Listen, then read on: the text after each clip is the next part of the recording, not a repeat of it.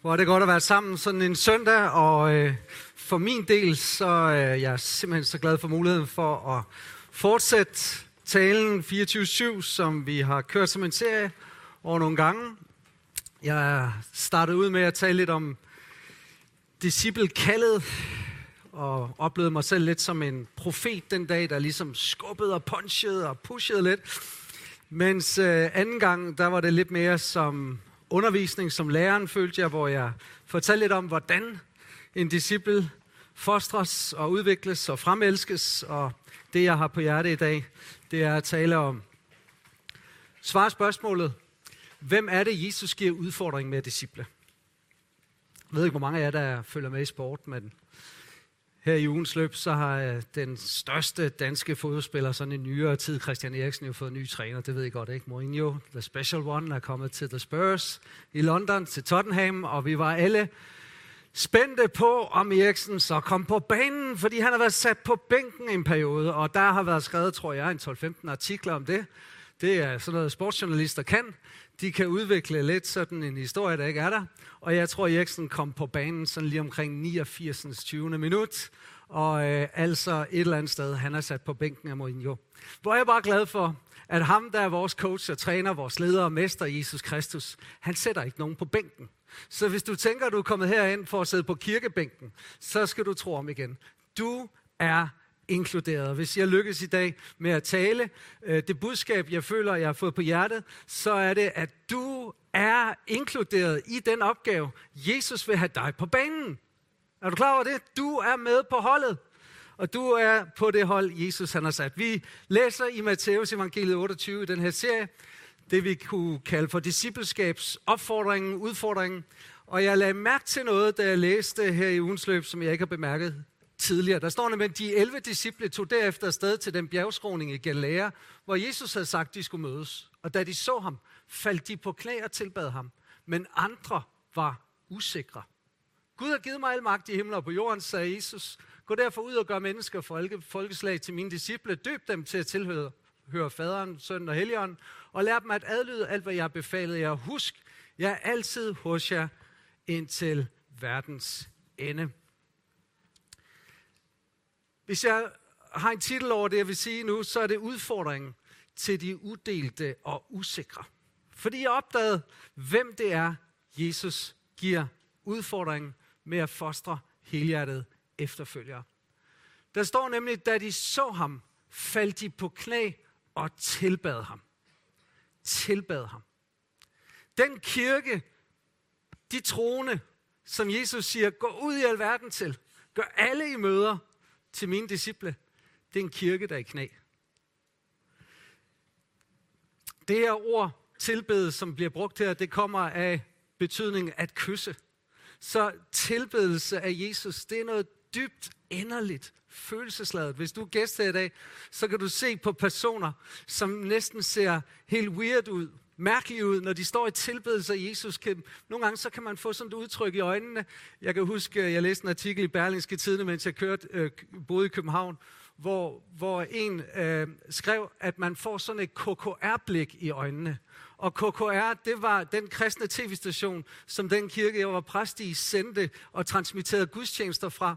Og det var Natasha Krone, en journalist, som havde skrevet, at man får sådan et KKR-blik i øjnene, og hun mente den der hengivenhed, den der passion, den der lidenskab for Jesus. Den kirke, som Jesus sender afsted med udfordringen, gør disciple, gør efterfølgere. Det er først og fremmest et fællesskab, som er på knæ i passioneret tilbedelse af Jesus. Så et disciplende fællesskab, det er et tilbedende fællesskab.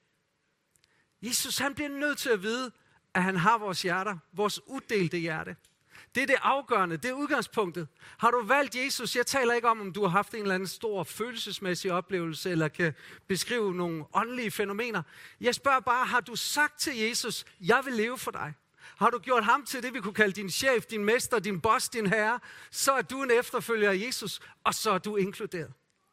Men det betyder altså også, at du bliver nødt til at komme på knæ i dit liv og erkende, at den her opgave, den er for stor for dig. Du bliver nødt til at have hans hjælp. Du kan ikke selv. Jeg tror, og nu kommer jeg med en påstand her, Jesus kan og vil ikke reproducere et fællesskab af stolte, selvfede, opblæste egoistisk, egoistiske, egoistiske troende. Det tror jeg simpelthen ikke på. Altså, det er fællesskab, der er et fællesskab i knæ i tilbedelse af Jesus, han vil reproducere. Hvis vi er så fat op med os selv, så kan vi jo ikke give ham videre. Mennesker kan ikke se Jesus i os, hvis vi er så fyldt af os selv. Og derfor er det udgangspunktet, at vi kommer på knæ, at vi kommer i tilbedelse, i hengivelse til Jesus. Læg mærke til, at det var der Peter han måtte bringes til igen, efter han havde fejlet stort i hans discipleskab. Og kulminationen efter tre et halvt år, der hvor han virkelig skulle vise Jesus, Jesus, jeg har fanget det nu, jeg har forstået det. Og han havde lovet sig selv og alle omkring ham, jeg kommer ikke til at fornægte Jesus. Og så med brav ryger han igennem. Og Jesus møder ham der i hans øh, nederen øjeblik, og lige der siger Jesus ikke, hvad så Peter, kan du præstere forfra? Nej, han siger bare, Peter, elsker du mig? Det er tilbedelsen af Jesus. Det er kærlighedsforholdet til Jesus, som er afgørende. Det er der, vi bliver udtaget til det hold, som Jesus han sætter. Da de så ham, faldt de på knæ og tilbad ham, men andre var usikre. I den gamle oversættelse af dronninger autoriseret står der, og da de så ham, tilbad de ham, med nogen tvivlede. Så vi kan se, at den flok, som Jesus giver udfordring, og det hold, han sætter, det er først og fremmest tilbeder, men vi kan også se, det er uddelte, men det er også usikre troende. Og det var den opdagelse, jeg tænkte den her uge, hold da op, er det virkelig rigtigt, at Jesus bruger de usikre? Er det rigtigt, at han står over for en flok disciple, hvor nogle af dem, de er bare, yes, Jesus er opstanden, det er ham, og jeg tror, og jeg er med, og jeg er fuld på, og det, det kan bare komme det hele. Men at der så blandt dem også var nogle usikre, nogle tvivlende. Det her ord, det betyder i virkeligheden bølge, tvivl, tvissind, og være i to stemninger. Det bliver brugt et andet sted i et helt nye testamente. Det er der, hvor Jesus han går på vandet og siger, kom bare Peter. Og Peter han kommer ud og går med, men pludselig så bliver han usikker eller tvivlende, og han begynder at synke. Så det er den der attitude af, ah, jeg vil så gerne tro, men jeg har svært ved det. Og jeg tænker, hvorfor er det, at Jesus han ikke giver to udfordringer og siger, okay, alle I, der tror blandt mine disciple, hvem er det løftelige i hånden? I får en opgave med at skal fostre og fremelske disciple. Jeg der tvivler, hør lige her, tag lige plads på bænken. Ikke? Jeg er usikre, som ikke er helt skarpe på jeres tro. Prøv, prøv lige at sætte jer ned, vi kommer til jer. Det her det er altså for elitetroende. Det er ikke der, han er. Jesus han siger, alle, I alle udtaget til det hold, som skal gå ud og gøre disciple. Og så tænker jeg på, hvad er det for en form for tvivl, som kan ramme os? Og jeg tror, nogle gange så kan vi tvivle på vores tro. Er min tro stærk nok? Her står Jesus og udfordrer mig. Jeg hører hans ord, og han siger det jo ikke bare til discipleflokken, han siger til mig, gå ud, og hvor du går hen, så gør disciplene. Er jeg stærk nok i min tro til det? Kender I den der skepsis på egen tro? Har jeg virkelig den tro, der skal til for at stå i den opgave? Eller tvivl på din egen viljestyrke? Kommer jeg til at have det, der skal til for at kunne leve som en lærling og en elev af Jesus? Har jeg den viden? Har jeg den kompetence? Kan jeg hjælpe folk? Kan jeg svare på spørgsmålene? Eller er formålet værdigt? Er det virkelig det værd? at bare ofre så meget energi og tid? Eller kommer jeg til at lykkes? Jeg tror, det er noget af den tvivl, som var i de her disciple. Jeg ved ikke, hvor du står hen i dag, men jeg har bare lyst til at sige, at de nogle, der tvivlede og var usikre, de blev ikke skældt ud for de andre, men nej, de havde del i den samme kaldelse og udfordring. En udfordring, som er både for de uddelte, men også for de usikre. Så der er en opgave til dig. Du er inkluderet i, den, i det hold, som Jesus han sender afsted. Så jeg har lyst til at sige til dig, der tvivler, lad nu være med at glemme fællesskabet. Men så min opfordring i dag, det er, gem dig i fællesskabet. Gem dig i fællesskabet.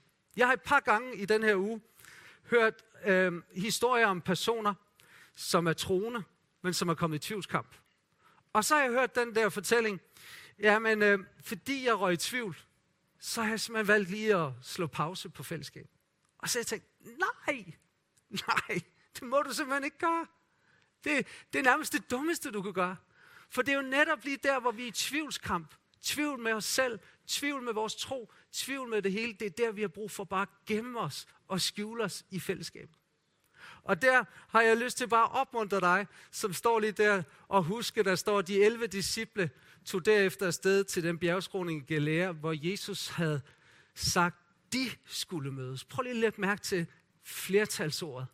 Kaldet til disciple er et kollektivt kald. Det er ikke en byrde, du får på dine skuldre alene som individ, og så kommer du til at gå herfra tynget. Nej, det er et kald, som er ind over os som fællesskab. Og det er så vigtigt for mig at få det frem, at frelsen er personlig, men kaldet til disciple, det er kollektivt. Discipleskab, det er noget, som skabes i et fællesskab.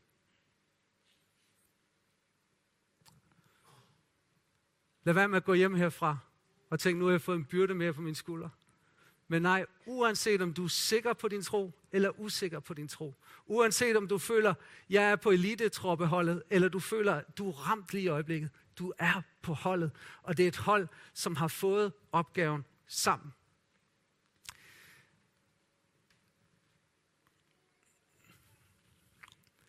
Jeg godt tænke mig at fortælle om nogle forskellige formater af det fællesskab, som du kan dække dig i, og som du kan opleve ikke bare har en opgave ud af, men som også gør noget indad i dig. Og det første, det er det her rum for en-til-en samtaler.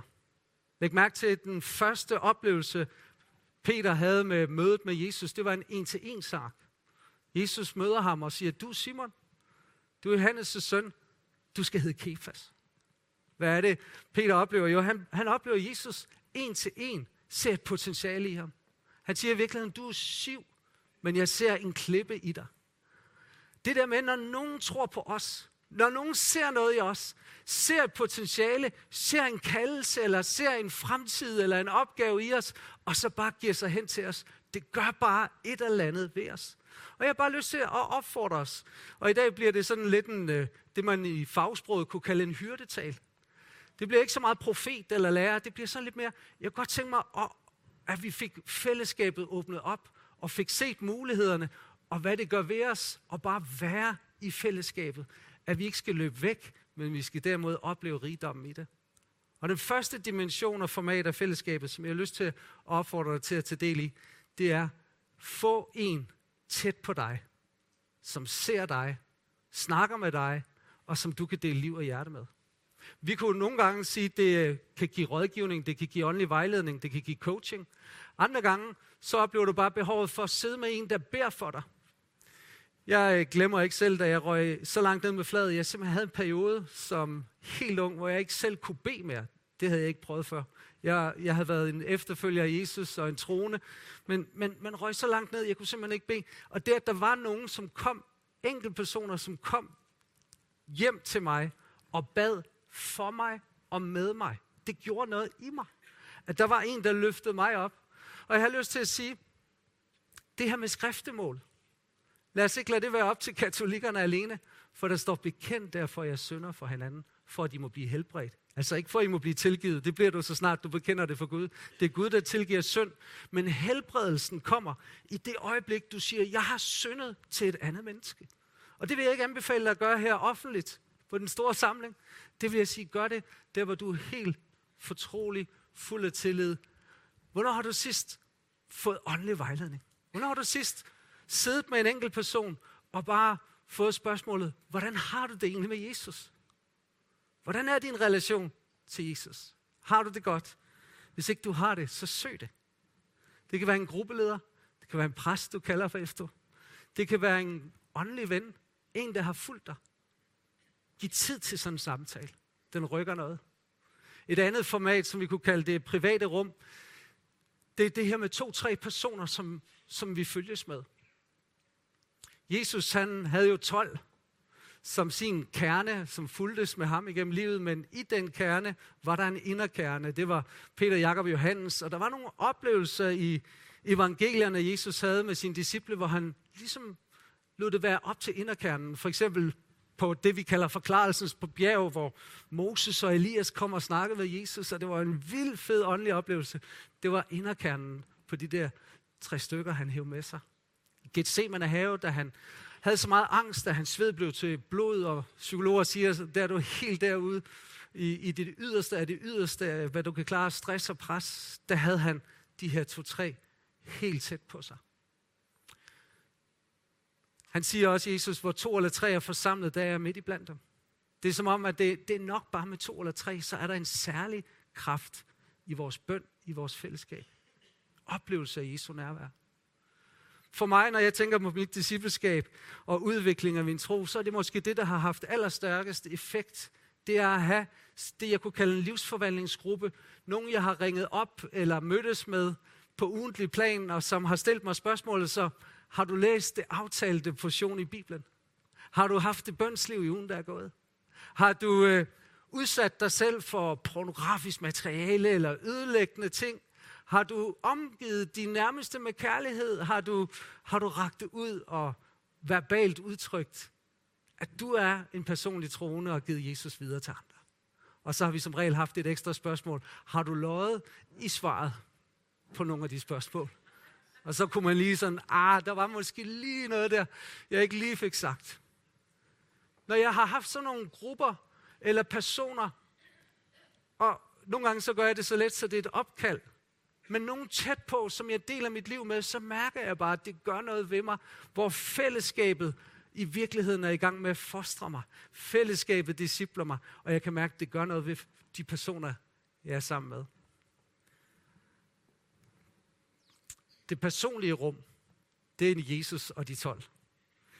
Jesus han betjente tusinder, han prædikede til hundredvis, han bespiste 5.000 plus øh, børn og så videre. Han, han, han så skarne, men han trænede disciplet kun 12.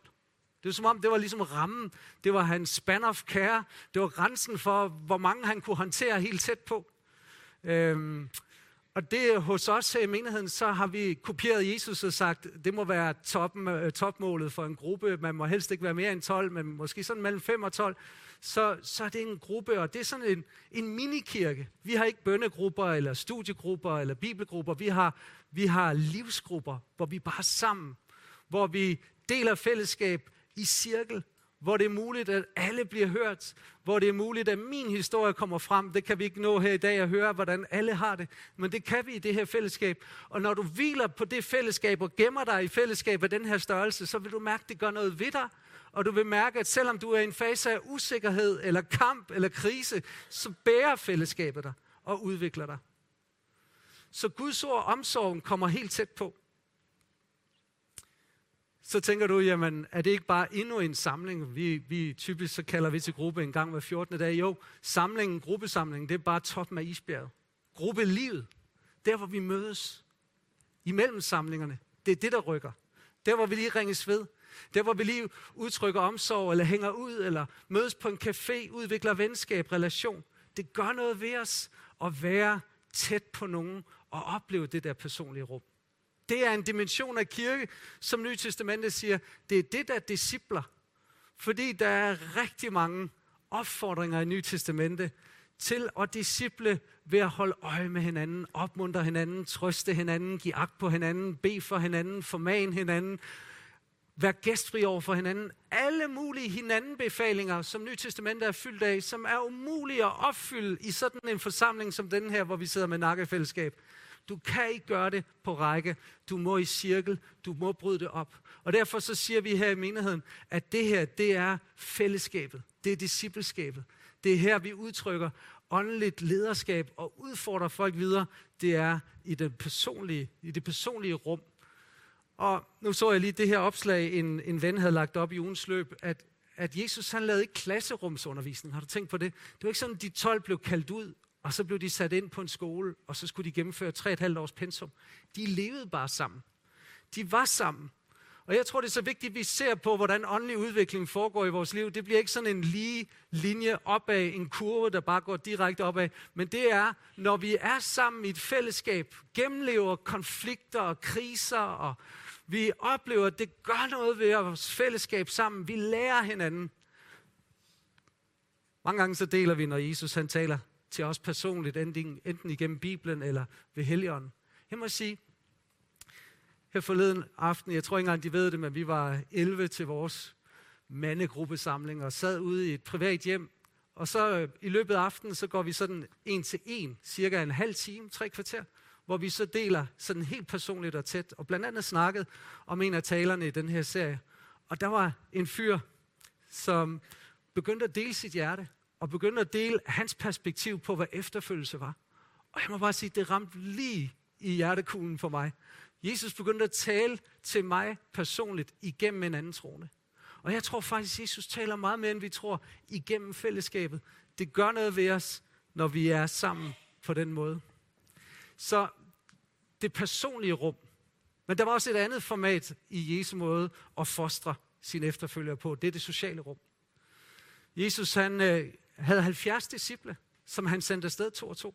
Så han havde også det der rum af 70. Vi kunne kalde det øh, klyngen eller netværkssamling.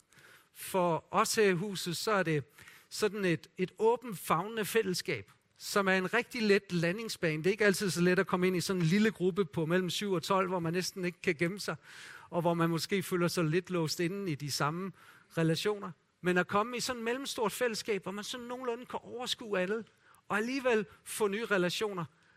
Og sociologerne fortæller os, at det er den størrelse fællesskab, der for alvor giver os identitet og følelse af at høre til. Og derfor har vi flere af den slags fællesskaber, både generationsgrupper for, for øh, unge par og singler, eller modne par og singler, teenager, unge voksne, og for seniorer, også for forskellige sproggrupper, har vi eller drømmer vi om at få. Øh, vi kunne godt tænke os øh, mere og mere også at se interessefællesskaber. Nu har vi startet en cykelklub, og der kan være andre måder at være sammen på i lidt større antal, hvor man bare får lov at hænge ud. Og vende. fællesskabet er så væsentligt og en stor del af discipleskabet, at vi bare ikke må isolere os og tro, vi klarer den solo. Så det sociale rum må vi give rum for og plads til. Sitcom Friends er jo øh, totalt slidt på YouTube nu. Jeg troede, det var min generations øh, hit sitcom, men det viser sig, at mine børn også nyder at se den. Og det er vel den der følelse af, at man fik i det billedet af noget venskab, som man bare savner. Min generation slog sig på familien, blev såret, skuffet. Og i Danmark er der rigtig mange ensomme, og jeg hørte faktisk en påstand for nylig, at der er så mange nu, der vælger sin familie fra, fordi man bliver såret, eller skuffet, eller irriteret, kommer i konflikt. Og jeg hørte faktisk, at Nordjylland havde rekorden på 27 procent.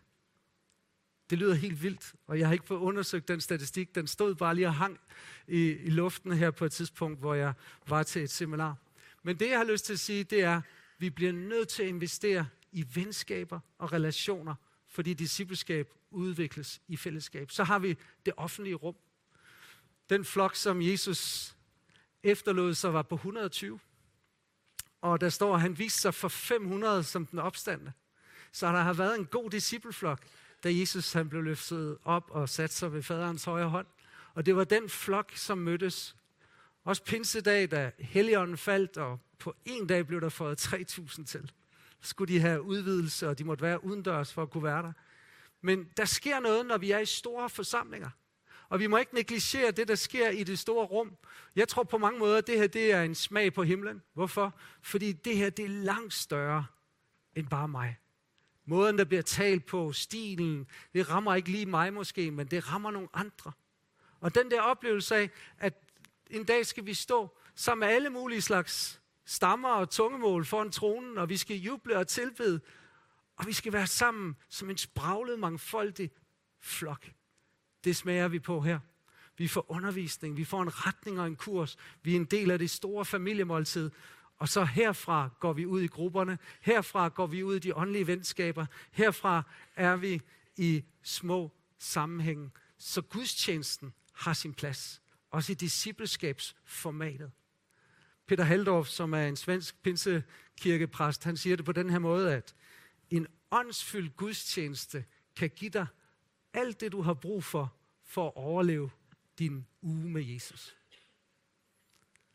Og så tænker jeg, hold op, det har jeg ikke hørt i min opvækst. Der hørte jeg en stille stund hver eneste dag gør det. Og jeg tror på, at sandheden er begge dele. Jeg tror på, at nogle gange så har vi gjort det med discipleskab og disciplekaldet så personligt, at vi går ud fra kirkerummet og tænker, at den ligger alene på mine skuldre. Men mit budskab til dig i dag, det er, gem dig i fællesskabet, hvis du er i kamp og krise. Gem dig i fællesskabet, hvis du er i tvivl og er usikker. Lad fællesskabet løfte dit åndelige liv. Lad fællesskabet hjælpe dig ind i åndelige discipliner. Lad fællesskabet hjælpe dig videre. Bare det, du er her, er begyndelsen på åndelig udvikling. Så lad være med at blive væk. Lad være med at holde dig væk. Kom nu, for Jesus gør noget i fællesskab, som han ikke kan gøre, når du er alene. Hvor to eller tre er forsamlet, der er jeg midt i blandt jer. Der er noget særligt, når vi er sammen. Så vær sammen med Jesus alene, alt det du kan, alt det du vil. Men husk bare, der er et liv i læmet. Der er et liv i fællesskabet. Og Jesus kaldte dem individuelt, de 12, men de blev alle sammen kaldet til at være sammen med ham, sammen med de andre. Det var et fællesskab, han kaldte dem til. Så jeg vil gerne udfordre dig til at tænke din trosudvikling ind i alle de her formater af fællesskab.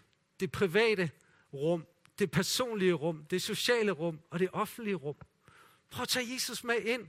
Og det, som er så afgørende vigtigt i den her måde at tænke fællesskab og discipleskab på, det er, at du ikke ser det som et system, men du oplever, åh, der er nogen, der, der hjælper mig. Der er nogen, der løfter mig. Der er nogen, der bærer mig. Der er nogen, der, der er stærke, når jeg er svag. Der er nogen, der er oppe, når jeg er nede. Der er nogen, der kan bede for mig, når jeg nærmest ikke kan bede mine egne bønder. Der er nogen, der kan tro med mig, når jeg har svært ved at tro. Så hvis vi skulle sige, hvem vi er som kirke, så er vi jo et fællesskab af medvandrere, der er optaget af at hjælpe hinanden tættere på Jesus. Vi er forskellige steder på den her tidslinje. Du er måske kommet ind her i dag og, og faktisk været i modstand imod tro. Du, du er helt herhenne, hvor, hvor man kan sige, det at, at bare nærme dig et kristen fællesskab har været en enorm overvindelse, men du har taget nogle skridt, og du mærker, at der er nogle fordomme, der brydes ned. Der er en tillid, som opstår. Og der er en beslutning, der venter dig. Og det er den beslutning, man træffer, når troen kommer ind som en gave. Og du ser Jesus. Tro det er at se Jesus med hjertet. Og så beslutter du, så siger du ja. Og så er dåben, det er sådan en paksindgåelse, hvor du bliver en disciple af Jesus. Du markerer det offentligt og siger, jeg vil følge efter Jesus. Jeg vil være en helhjertet efterfølger af ham. Og så tager du nye skridt. Og så er målet det modenhed. Målet er modenhed at vokse tættere og tættere på Jesus. Og lære ham bedre og bedre at kende. Og der er altid et skridt mere. Der er ikke nogen herinde, som ikke længere er disciple, elever og lærlinge på vej. Og Jesus har hele tiden et nyt skridt for dig at tage. Så min øh, udfordring i dag, det er ganske enkelt, vær en disciple og gør en disciple. Og den opgave, den udfordring, den tror jeg faktisk som fællesskab, vi skal sørge for, bliver udført med sundhed. Hvis man læser sådan nyere kirkehistorie, så er der noget af discipleskab, som er blevet nærmest rigidt praktiseret. Som er blevet usundt, som er kommet over i noget øhm, sådan negativ kontrol, hvor man bruger discipleskabstanken til at styre hinanden, til at manipulere hinanden, til at sætte rammer for hinanden, som ikke kommer indenfra, og det skal vi passe så meget på. Vi øh, skal passe på bedrevidenheden, at det ikke bliver sådan, at vi taler til hinanden, jeg er længere end dig, og nu skal du bare høre.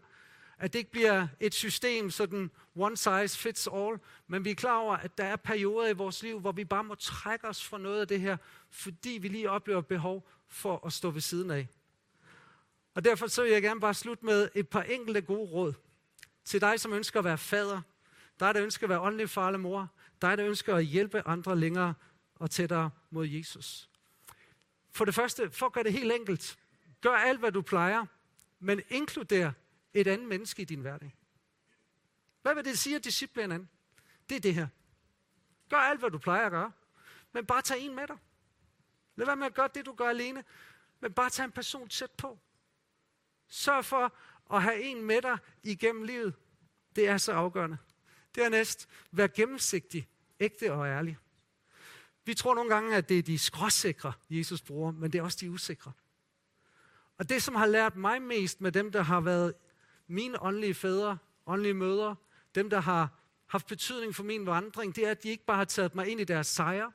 De har ikke bare taget mig ind i deres glæder, deres optur. De har taget mig ind i deres sorg. De har taget mig ind i deres bedrøvelse, i deres skuffelse, i deres vrede. Jeg har set dem hisse sig op. Jeg har set dem være menneske, ligesom jeg selv er menneske. Og det er så afgørende, at vi er autentiske i vores måde at være på, når vi vil disciple. Og så knyt mennesker til Jesus og til fællesskabet, og ikke bare til dig selv.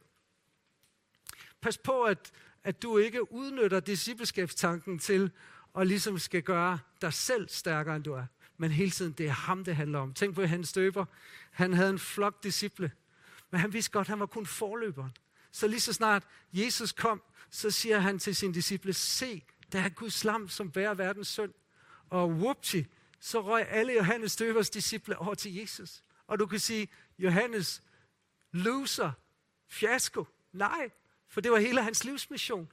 At sikre mennesker fulgte Jesus. Og ven, det er vores opgave, det er at knytte mennesker til Jesus. Knytte dem til fællesskabet. Og derfor så går vi ikke og ejer hinanden. Og du er min disciple, og du er mine... Nej, vi hjælper bare. Vi spiller alle sammen en sekvens i en persons liv. Så her til sidst, så har jeg bare lyst til at opsummere, hvad er det, Jesus kalder os til? Han kalder os til at være elever. Han kalder os til at være lærlinger.